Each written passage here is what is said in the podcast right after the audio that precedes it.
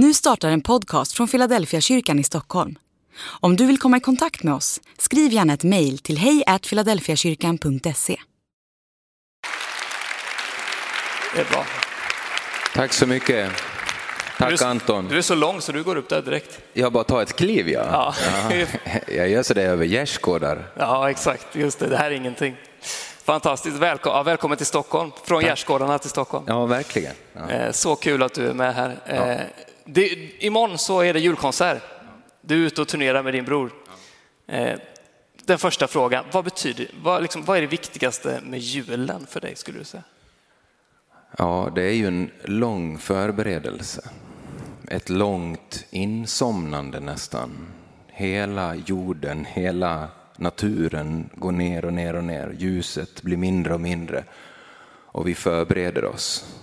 Och vi förbereder oss för ett barn. Exakt. Som föds. Ett ljus. Jesus som kommer till oss. Och eh, den förberedelsen är ganska svår. Och när jag var liten så tog jag det nog för givet mer. Men visst var det en lång förberedelse inför någonting som skulle komma. Och den känslan, det som man kallar julkänslan. Ibland hör man det i filmer, de säger the Christmas spirit. Som vi alla vet vad det är för någonting. Men eh, ja, det är en förväntan. Tidigare när vi, när vi möttes här i, och så stod vi i en ring alla vi som medverkade i gudstjänsten. Då står det att tredje advent, det är din favoritadvent. Jag blev bara så intresserad. Varför är det så? När jag var liten så tyckte jag att ljusen var så vackra när de var tre. Jag tyckte det såg så futtigt ut med ett. Det såg så symmetriskt ut med två. Och sen trean där, då var det som att det var något som var på väg att hända, eller hur? Och fyran, det var nästan, nej men nu var det, det är väl hur, det var inte så mycket. Det. Trean, det var någon, jag vet inte vad det är för spänning. Det, jag vet. Ja, det är något med siffran tre, eller? ja kanske. Det har ju något. Ja, fint. ska jag tänka på nu när jag tittar på det.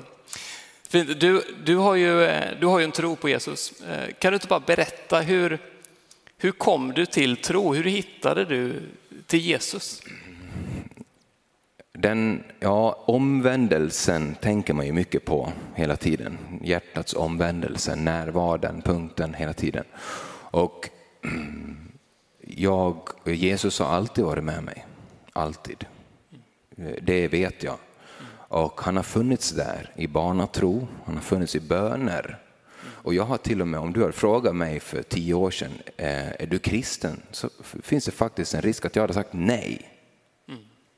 Fast jag hade bett nästan varje dag. Så jag visste inte varför jag bad, jag bara bad. Vad var du då?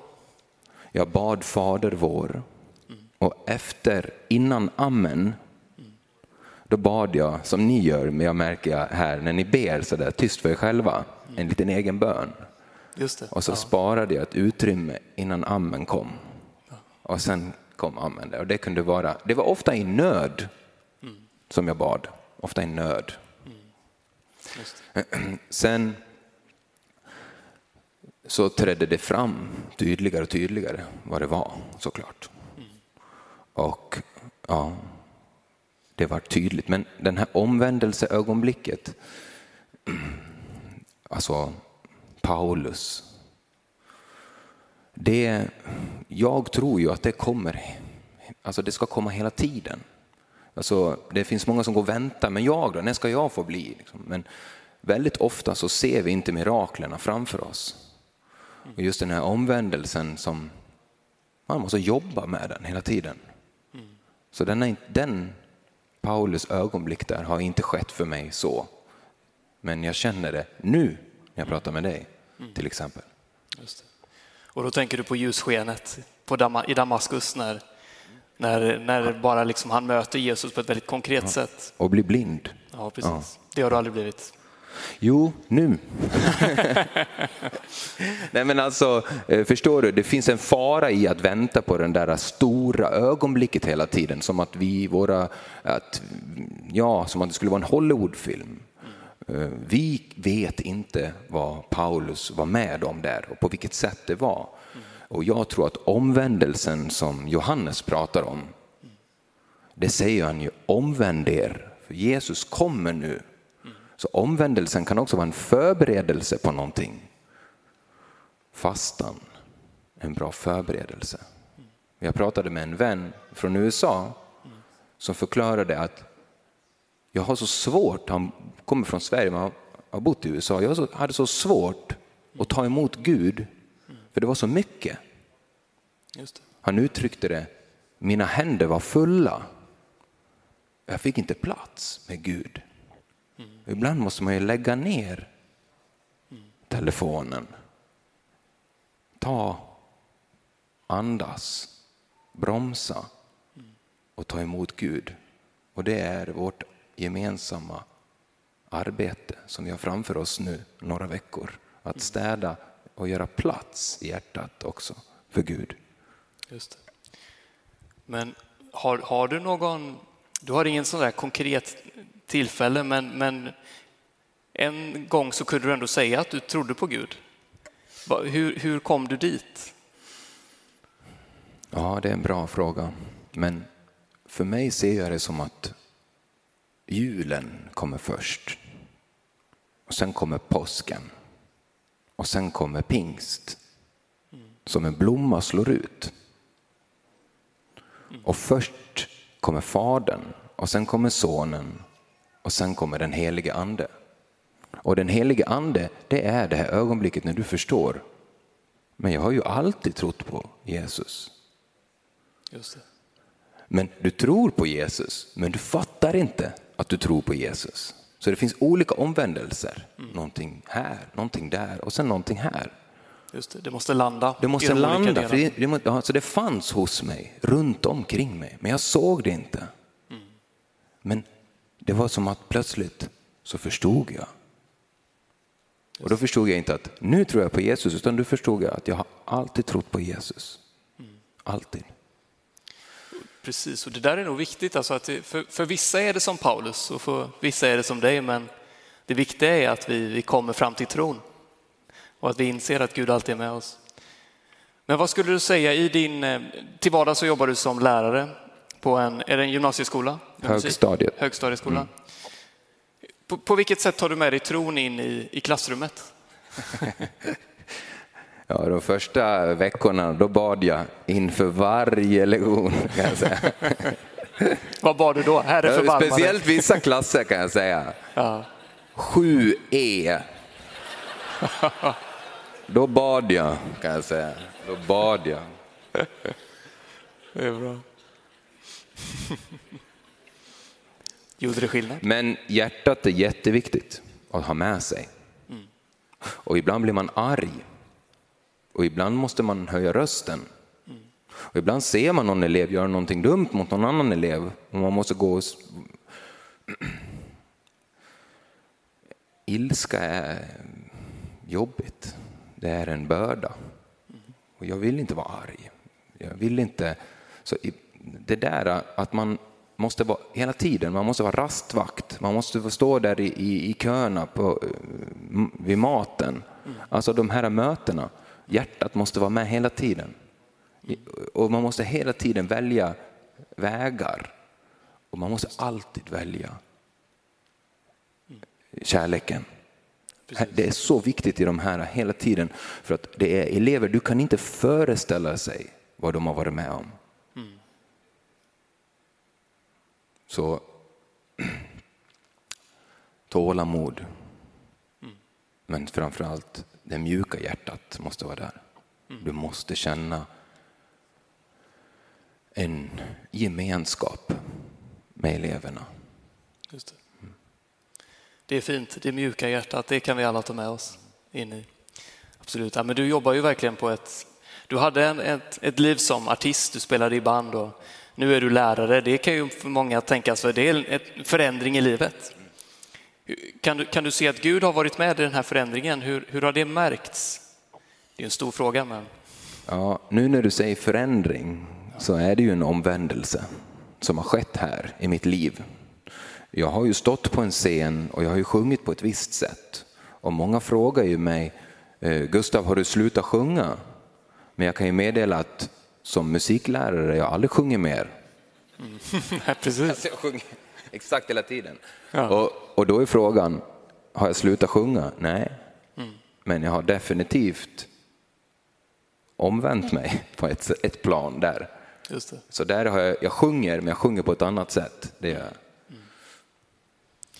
För du, du, är ju, du är ju liksom en, en lokal, lokal patriot för Bålänge på något sätt. Du håller fanan högt för Bålänge. Du finns där, du är aktiv i, både i, inom skolan men också inom politiken i, i Borlänge. Mm.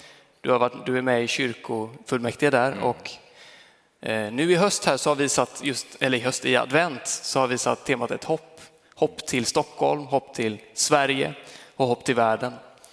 På vilket sätt tänker du att, att kyrkan eller oss som kristna kan vara ett hopp för vår värld, för vår tillvaro?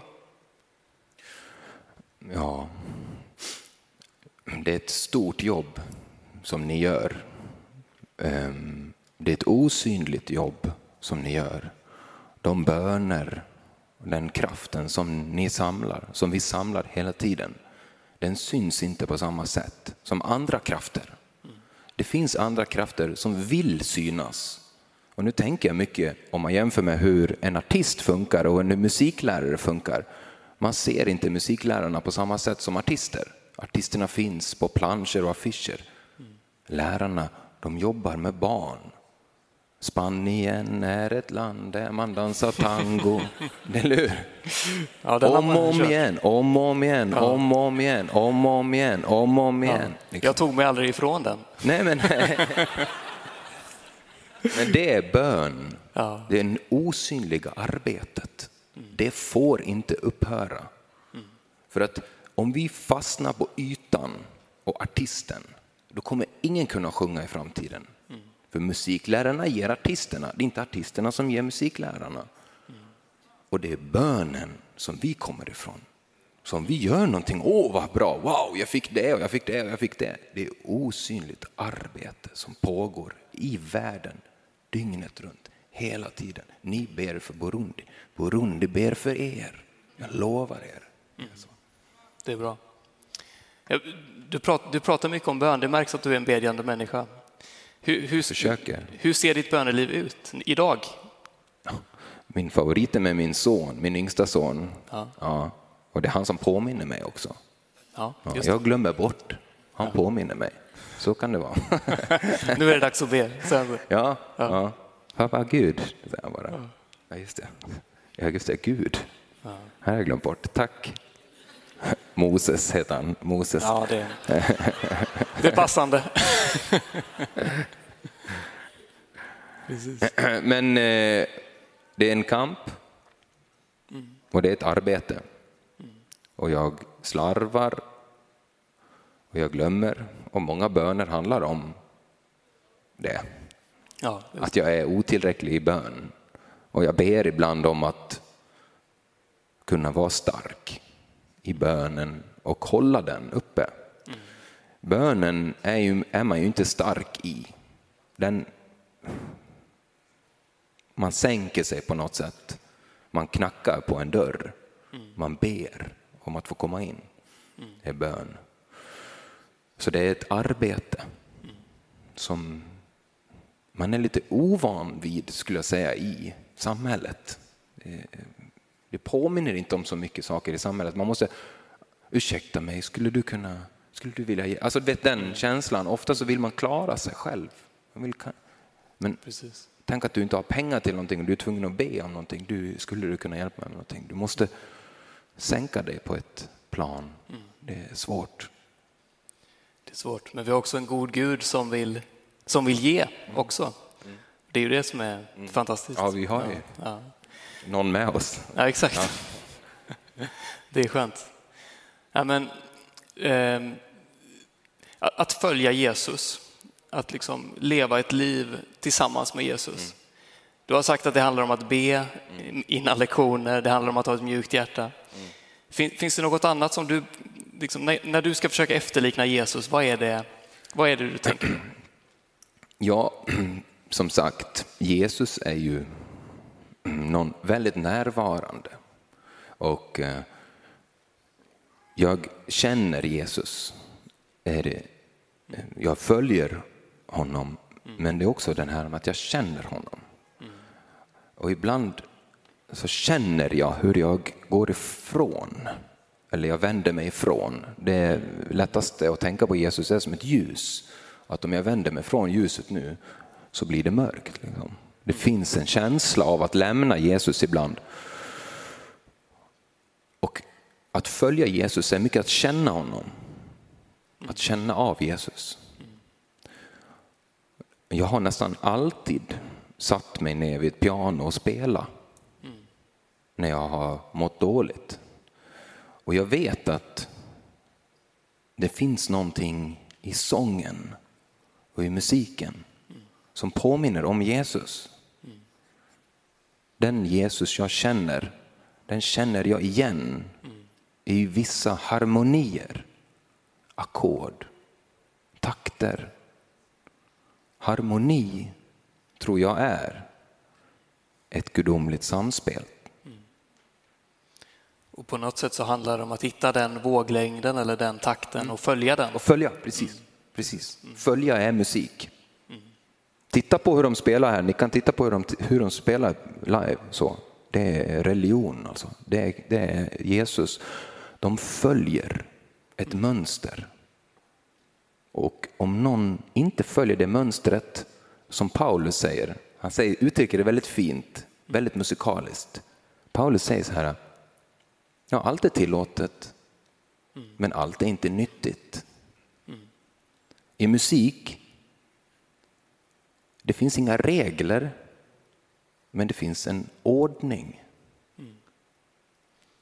Och till skillnad från sport, jag undervisar för många som spelar fotboll och sådär, man kan inte få rött kort i musik. Men om du bryter mot ordningen, då ändras känslan. Och man känner hur Jesus försvinner. Alltså han kommer längre bort om du bryter mot ordningen i musik. Det är jätteintressant, ni kan gå fram till ett piano och ta tre toner som ligger jättenära varandra. Drink. Det låter på ett visst sätt. Och så ändrar ni på de tonerna i en annan ordning. Drink. Och det låter på ett helt annat sätt. Det är att känna musik. Så känns Jesus. Att hitta ackordet. Mm. Ja. I, eh, I veckan så när vi pratade så, så bad jag dig att sjunga en sång om du ville det. Och det ville du. Eh, och jag har lyssnat på Spotify, du har en sång som heter Let Me In. Och den har ju tydlig, tydliga kristna kopplingar i den texten och i melodin också kanske. Ja, det kan vara så. Det är tre ackord. Ja, men du, där ser du. Det kommer igen. Men berätta någonting om vad den låten betyder och sen så kan du väl få spela den för oss som en avslutning.